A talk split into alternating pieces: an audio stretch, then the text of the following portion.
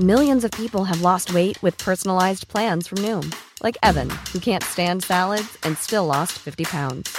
Salads, generally, for most people, are the easy button, right? For me, that wasn't an option. I never really was a salad guy. That's just not who I am. But Noom worked for me. Get your personalized plan today at Noom.com. Real Noom user compensated to provide their story. In four weeks, the typical Noom user can expect to lose one to two pounds per week. Individual results may vary. Hiring for your small business? If you're not looking for professionals on LinkedIn, you're looking in the wrong place. That's like looking for your car keys in a fish tank. LinkedIn helps you hire professionals you can't find anywhere else, even those who aren't actively searching for a new job but might be open to the perfect role. In a given month, over 70% of LinkedIn users don't even visit other leading job sites. So start looking in the right place. With LinkedIn, you can hire professionals like a professional. Post your free job on linkedin.com slash people today. Kvinnen med den tunge koffert kommer hjem er laget i samarbeid med Podimo. Har du lyst til å høre alle de ni episodene, kan du allerede nå høre hele sesongen. Kun i Podimo-appen. Du lytter til en podkast fra Third Air.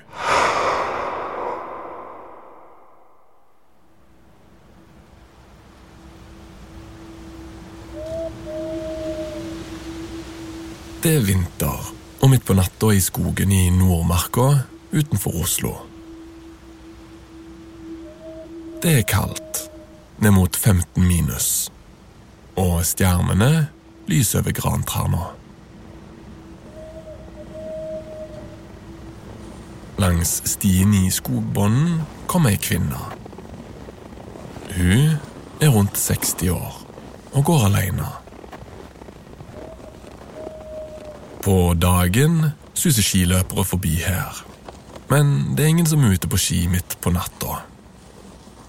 Og kvinna har ikke ski på beina. Hun går til fots.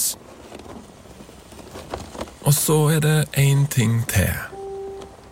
For um, hun drar en trillekoffert etter seg. Den har sjelden vært mer malplassert enn her. Hjula synker ned i snøen. Det hele er lettere absurd. Trillekoffert, snø, natt. De tre hører egentlig ikke sammen. Vi vet hvor hun kommer fra. For det er her, på den snødekte stien midt på natta vi forlot henne i forrige episode. Etter var det stukket av fra regninga på kikkutstua. med å forsvinne ut av vinduet i andre etasje. Og så har hun begitt seg ut i skogen, til fots med trillekofferten. Men stemmer det her? For det er noe med det bildet som skurrer. Kan det virkelig være sånn at Maria Hansen, som hun sjekka inn som på kikkut, har dratt kofferten etter seg i åtte kilometer på snø om natta? Eller er det det her hun vil at vi skal tro, og egentlig så har det en annen forklaring? Jeg må innrømme at jeg står fast i det her lukka rom-mysteriumet, kombinert med et nesten Houdini-aktig forsvinningsnummer gjennom skogen. Men det er en person som kanskje kan knekke koden. En fyr som har tilbrakt store deler av det siste tiåret på å løse mysteriene kvinnen med en tung koffert etterlater seg. I think I can solve that for you right now.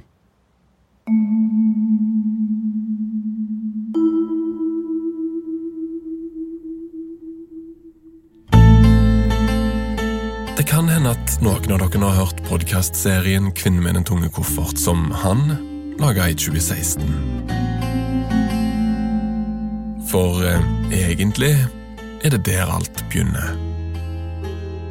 Men det er et spørsmål som oftere og oftere dukker opp etter hvert som jeg følger i fotsporene til kvinner med den tunge koffert.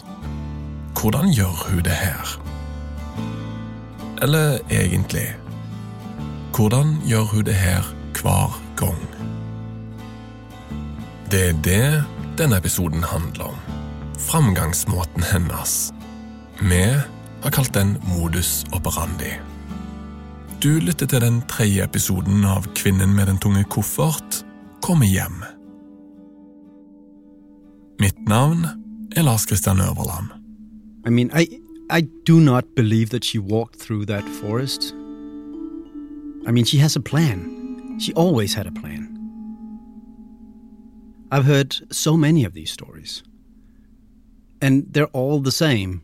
There's always someone who helps her to escape. What do you mean? You know, what you need to think about is that for you, this might be the end of a story, her walking into the woods and disappearing, but for her, it's the beginning of the next story. Mm. She always has a setup for the next story. So there's someone waiting for her in a car, maybe, and it's not an accomplice, it's someone who thinks that they're helping her. Yeah. Something horrible went down there, and someone is helping her to get away from that and get on to the next place. That she's already set up somehow. Yeah. This is how she works. This is her modus operandi. And that I know about. That I have been studying for years, actually. Do you get it? Jeg tror kanskje jeg forstår at Christer har forstått noe som jeg ikke har. And for me, she has a fascinating, I mean, almost magical life, right? At hun har levd et nesten magisk liv, fullt av små historier som alle slutter med at hun forsvinner gjennom ei røyksky. Ei røyksky som også er en portal til neste historie. Men eh, for Christer sin del så begynner ikke det her med fascinasjonen for svindelnumrene hennes. Det begynner med løgnen. I have always found liars fascinating. Because when you lie, uh, there's a truth behind it. If you can come and pretend that you are whoever you want to be, you know, then that tells me your innermost wishes. Mm. Especially when you can kind of see through a lie, then you see exactly what a person dreams about. Do you know what I mean? The lie tells you something about who she wants to be. The lie tells me exactly who she wants to be. People never tell you this is my innermost, you know, dream. But she does. Jeg tror Christer er inne på noe. Å studere løgnen kan gi et glimt bak maskene hennes. For eh, det er svindelnumrene hennes Christer har fokusert på i sin serie. A lot of people see a small time swindler, but if you if you look at kind of the the time span of this, I mean this is you know, this is 30, 40 years of her life swindling people. Siden slutten av 80-tallet kan ikke finne spor etter en eneste jobb hun har hatt. Det er det her hun er god til. Og det er en mynt med to sider. Hvor framsida er friheten. And she can just, you know, pretend to be a rich woman if that's what she wants, or pretend to be a sick woman if that's what she wants, or, you know, just do whatever it takes to be who you want to be. Is there a small part of you that envy that freedom? Yeah. Yes, there is. You know, not being bound by any of the rules that everyone else is bound by. Men så er det baksida av det samme livet. Then there's the flip side of that coin, right? Which is just extreme loneliness. If you fool someone, then you have to run away afterwards. And if you live your life like that, then you you have run away from everyone in your life. And the cost of complete freedom is just insane loneliness. Første gang Christer fikk nyss om kvinner som levde i absolutt frihet, så var det en vandrehistorie fra et gammelt kloster omgjort til overnattingssted i Danmark. Der dukka det opp ei kvinne som utgav seg for å være en annen person enn den hun var, og stakk av fra regningen. And as soon as I heard that story, I was like, that's not the first time she's done that. I just knew. just sounded too too professional. Modus operandi er latin og betyr måte å operere på. Det er her en vesentlig del av profesjonaliteten hennes ligger. For eh, på et dypere nivå er det alltid samme historie hun bruker, med de samme bestanddelene, bare med litt variasjon for hver karakter hun spiller. It has the same feeling to it every time. I found these five steps that's always there in every trick she pulls. Og det første stedet Christer dro til, var det gamle klosteret, hvor den første historien kom fra. First, she comes onto the stage, right? She turns up. Det her første steget kaller Christer ankomsten. Denne scenen, altså Ørsløv kloster, ligger fire timer med bil fra København. En kirkebygning og et gammelt barokkloster, med tjukke hvite murvegger og røde panner på taket. Det ligger på toppen av en bakke, med utsikt over en grønn klosterhage. Ørslev kloster. Et sånt sted som er bortgjemt fra forstyrrelsene fra omverdenen. Et mikrokosmos. Se, ser er lys i et vindu derinde.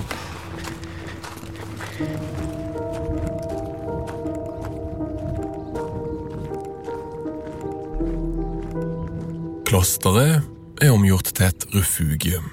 Et sted hvor forfattere kommer for å få fred og ro mens de skriver bøkene sine. Det er Janne Fruegård som er bestyrer på Ørslev. Men eh, før selve ankomsten finnes et lite halvsteg. Det er nemlig et frø som skal plantes. And oftentimes she kind of prepared someone before she turns up. So in Janne's case in Ørslev Kloster, she calls before she actually turns up. Akkurat som på Kikut, hvor de hadde fått en e-post om at hun skulle komme på hytta for å hvile seg ut etter å ha tatt seg av sin syke mor. Altså hende, der kontakter meg, Maria Hansen, hun er norsk, og, øh, og hun, øh, hun sier hun lige er blevet utskrevet fra sygehuset. Janne Fruegård er en mild og tillitsfull kvinne, med mørkt hår i en hestehale som aldri henger lenge stille på ryggen. Ja, men hun er meget syg, og hun vil ikke komme nærmere inn på det i telefonen, men, øh, men hun har en masse, hun skal nå å have skrevet. Så jeg tænker jo, øh, at øh, ja, men hun lyder som om, hun har, kraft og sikkert ikke har så lang tid igen, og så er hun selvfølgelig hjertelig velkommen her. Akkurat denne dagen har Janne begravd en venn, og unnskylder seg for at hun er litt kort i telefonen. Men eh, Maria Hansen forteller at hun har begravd en venn nettopp. De kan godt snakke mer om det når de møtes. Hun lyder enormt sød og rar, og lyder også til å være en stærk kvinne der sagtens kan ta vare på seg selv. And it's it's kind of an important entrance. She doesn't come in by the side door. She like comes in with power, with gusto, right? Jamen det er sådan hej, nærmest sådan slår ud med armene. Men hun er altså enormt omsorgsfuld over for mig. Øh, meget sådan træder lige ind med begge ben, ikke? Men jeg tænker også, at fantastisk dejligt. Hun er spontan. so this is a role that she has kind of prepared for Janne when she enters that stage, because Janne is her audience.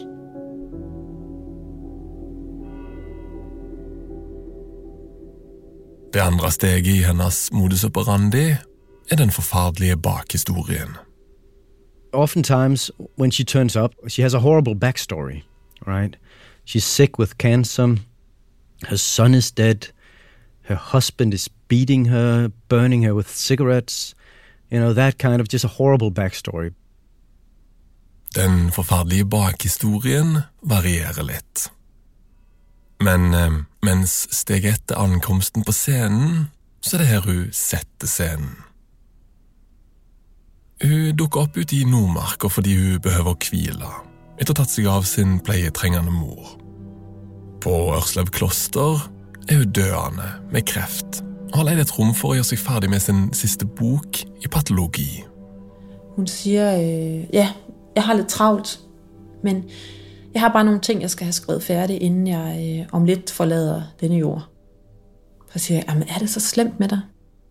Ja, det er det. Siger jamen det er da forfærdeligt, og uh, jeg sidder der og får vand i øjnene, og så siger hun, ja, rolig nu, rolig. Jeg har, det har jeg øh, affundet mig med, sådan er det. Janne og Maria Hansen har flere intime samtaler den første tida på klosteret. Så vi har de der meget sådan intime møder der, hvor, hvor jeg ligesom fornemmer, nu fortæller hun mig noget, hun ikke normalt siger, ikke? Det tredje steget i hennes modus operandi er pengene.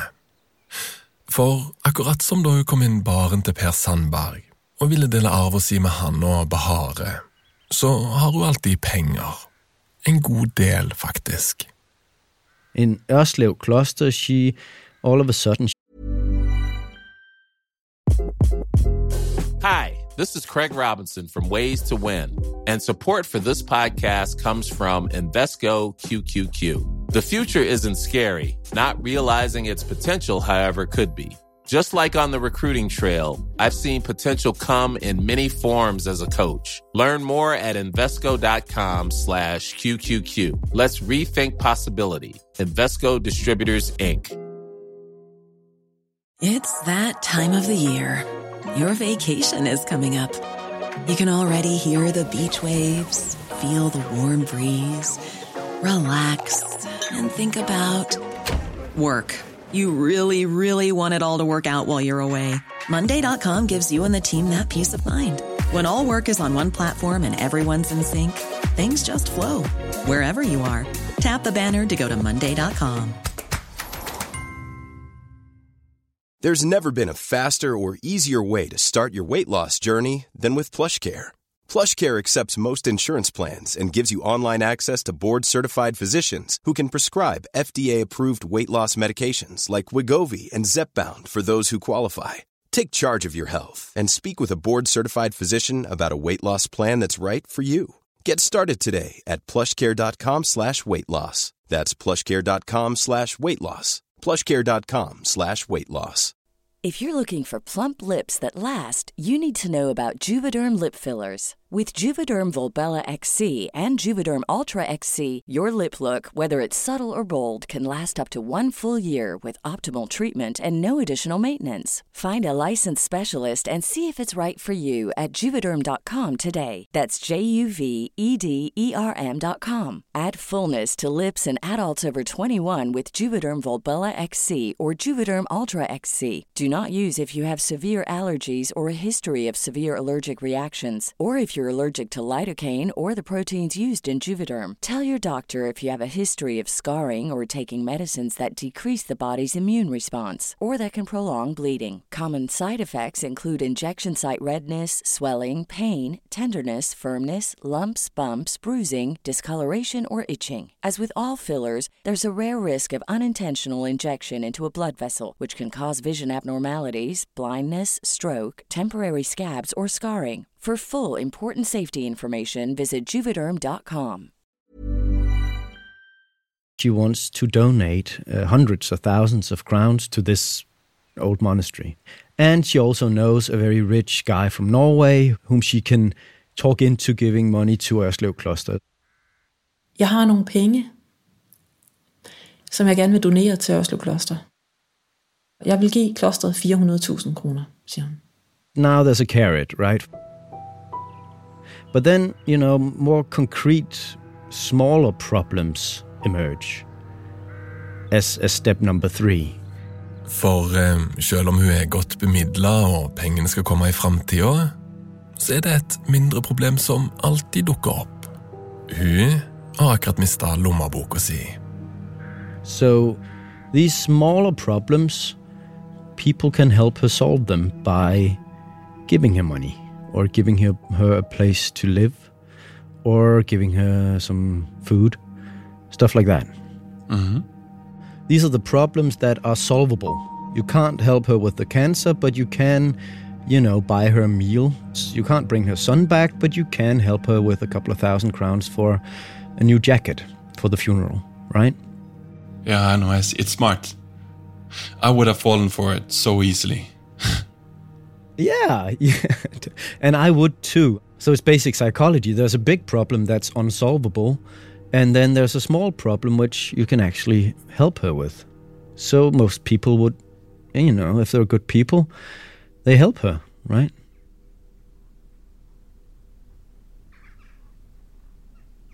Det fjerde og nest siste steget i modus operandi er der historien virkelig tar en ny retning. Christer kaller det for konflikten. She's very good at sniffing out places where there could be a small conflict and then blowing it up. In the beginning, I didn't really understand it. Why does she need to to start these conflicts? Why does she want everything to burn around her? Christer har et poeng. Hva får hun ut av å starte konflikter? Men eh, før en konflikt så har en selvsagt det motsatte harmoni. På Ørslev kloster er det en annen gjest, en norsk forfatter som heter Karin. Janne kjenner Karin godt, hun har skrevet flere av bøkene sine der. Og nå ser det ut som Maria O setter pris på stamgjesten. Hun kjøper også noen litt gaver til Karin. Litt shampoo og deodorant og sånn noe kommer hun og gir Karin. Det jeg ser, det er sådan set litt sådan, sådan venindeagtigt, der begynder at opstå mellem de to kvinder her. På overflaten ser det ut som et venninnebånd begynner å blomstre mellom de to nordmennene i Danmark. Men så skjer det til hvert små merkelige ting. Som når Karin plutselig mangler osten sin og stikker hodet inn på lunsjrommet. Og hun sier så, har I sett min ost? Jeg har lige kjøpt sådan en ny øh, lækker ost. Og hun kigger sådan lidt på bordet, om den står hos os, ikke? Karin sin ost er sporløst forsvunnet. Ingen stor sak, selvsagt. Men eh, neste gang er det ikke Karin, men Maria Hansen som kommer til Janne. Øhm, hun siger, Janne, du skal ikke la lade din computer stå herinde. Og dine papirer. Jeg forstår ikke, du har det stående her offentligt fremme i stuerne. Og går fra det. Karin, jeg har set hende kigge i dine papirer og kigge i din computer. Maria mener at Janne bør tenke litt over hvordan hun forholder seg til de andre gjestene. Øhm, hun kan ikke forstå, at jeg er så tillitsfull. Det bør jeg ikke være. Og så er det et problem til. Det begynner å mangle penger i vinkassen på klosteret. Hun kommer også på et tidspunkt og sier jeg har lige puttet 100 kroner ut i vinkassen. Janne har en liten metallkasse, hvor en kan legge penger om en vil ta en flaske vin. Men jeg er sikker på, at det er noen der går og tager kassen. Øh, fordi der var slett ikke noe i. Jeg tror, det er Karin, der tager fra kassen, sier hun. Så jeg går ut til vinkassen på et tidspunkt litt senere og ser ganske riktig der ligger en 100 kroner seddel og overhovedet ikke annet. Janne begynner å bli fortvila. Pengene i vinkassen er vekke. Den stille og rolige stamgjesten Karin, som har skrevet bok etter bok her, kan ikke stole på henne likevel? You know, Jenny, she kind of. She starts just doubting a little bit. She's good friends with Karin. And what also happens is that this conflict, it, it's a conflict between Jenny and Karin, right? So she does that because she thrives in conflict, right? When people are not talking to each other, then they're much easier to fool. Men eh, etter hvert som konflikten ruller seg ut, får Janne en magefølelse av hvordan det hele henger sammen. Alt var fredfullt før den nye gjesten sjekka inn. Etter hvert som dagene går, bestemmer hun seg for å konfrontere Maria. Og det her, konfrontasjonen som kom i kjølvannet av konfliktene, henger tett sammen med det femte og siste steget. Forsvinningsnummeret. Yeah, step number five in, in her modus operandi the exit strategy. She's just so talented at one thing, and that is getting out at the exact right time. right? For kvinner med den tunge koffert har en fantastisk timing for når hun skal forlate åstedet. You'd go and try to confront her, knock on her door, open it, and she's gone. Every time. Akkurat som på Kikut, når de banker på døra for å få henne til å betale. Og det er presis det som skjer på Ørslev kloster. Når Janne skal ta konfrontasjonen, er hun borte. På toppen av det hele har hun fått Janne sin mann til å kjøre henne vekk. I mean, it almost never happens that she's confronted by anyone because she's always gone at the exact right time. Men det slutter ikke der, med selve forsvinningsnummeret. For etter hun er fordufta, dukker det opp en SMS på Janne sin telefon. Fra Maria sin sønn. Han skriver at mor er blitt dårligere etter alt bråket på Ørsløv kloster. At hun ligger på sykehus igjen, kreftsjuk, er blitt svakere av alt sammen. Han ber de om å gi henne fred. Så jeg skriver en sms til det mobilnummer jeg har på henne, og skriver 'Kære Morten'. Jeg er fryktelig ked af at høre, at din mor er indlagt på hospitalet, og vi ønsker hende alt det bedste og gode tanker til jer. Og kærlig hilsen Janne fra Øslo Kloster. Etter det får Janne en telefon fra en journalist fra lokalavisa, som har fått inn flere tips om økonomisk mislighold på Ørsløv kloster, og skal til å publisere en nyhetssak om det. Du har kanskje gjetta det allerede. SMS-en stammer selvsagt ikke fra sønnen, men fra Maria sjøl, akkurat som tipsa til lokalavisa. Men hvorfor setter du stedet i brann etter hun har kommet seg bort? Det er en del av forsvinningsnummeret, fordi hun reiser sjelden langt med trillekofferten sin. Fra Ørstev kloster drar hun videre til en lignende plass. She goes to Mikkelsbakke, which is maybe 30 kilometers away. And it's another one of these kind of places where you can go and relax. Og siden hun ikke reiser langt, behøver hun brenne brua til det nye stedet. Viske ut sporene så ingen kommer etter henne, fordi de er opptatt med å slukke branner. Og på det neste stedet forteller historier om hvordan dårlig jeg er blitt behandla på det forrige. Ørslev Kloster is the devil, right? At, at that place, she tells horrible stories about how she had been treated at Ørslev Kloster.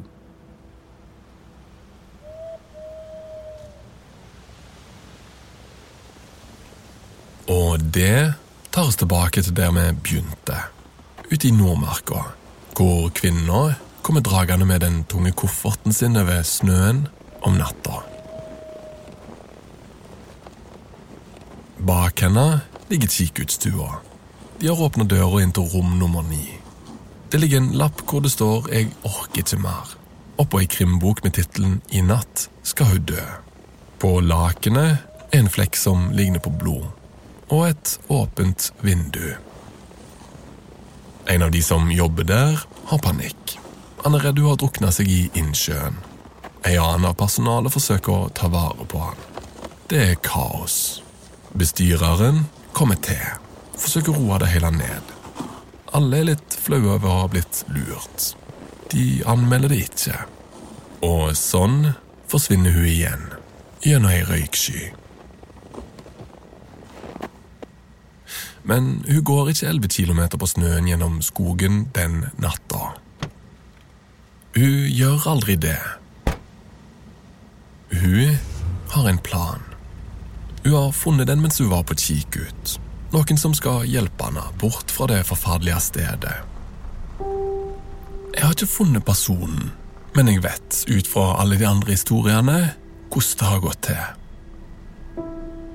For eh, den personen er en portal inn i den neste historien.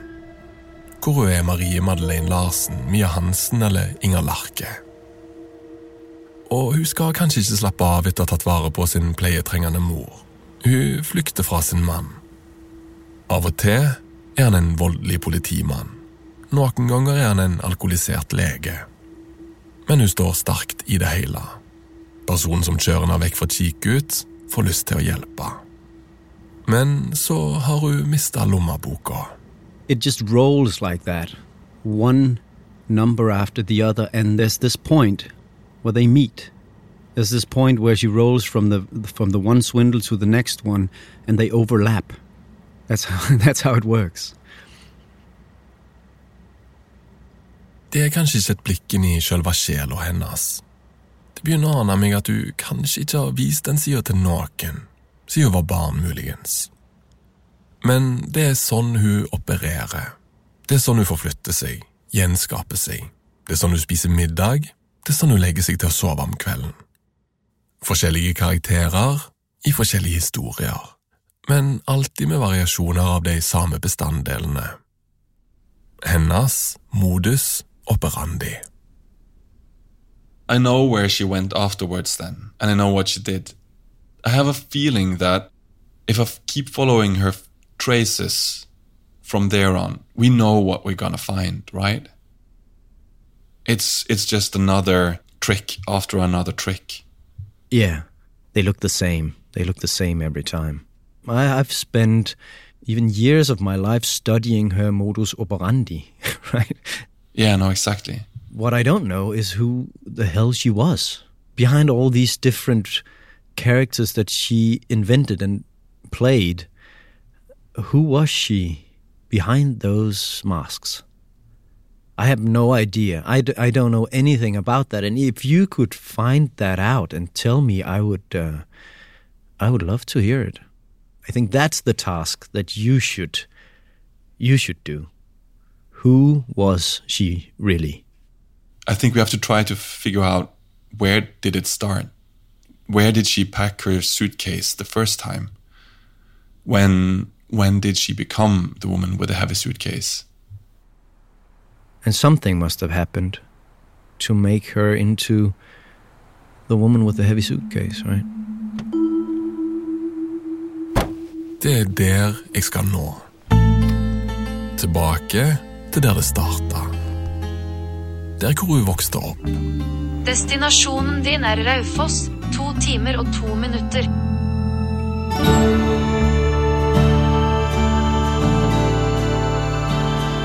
Fra Third Air og Podimo. Du har lytta til Kvinnen med den tunge koffert kom igjen. Hvis du vil binge alle episodene med en gang, kan du gjøre det i Podimo nå. Historien er tatt opp, skrevet og fortalt av Lars Kristian Øverland. Den er gjort etter en idé av Christer Molsen, som òg er produsent. Anne Obel har gjort lyddesign, skrevet originalmusikk og miksa episoden. Opptaket av Janne er gjort av Christer Molsen. En ekstra takk til Tim Hinman, som både har laga musikk og hjulpet til med dramaturgien. Og ikke minst takk til Rasmus Spitz, Fredrik Nielbo og Nora Brønseth for veldig god hjelp i redaksjonen.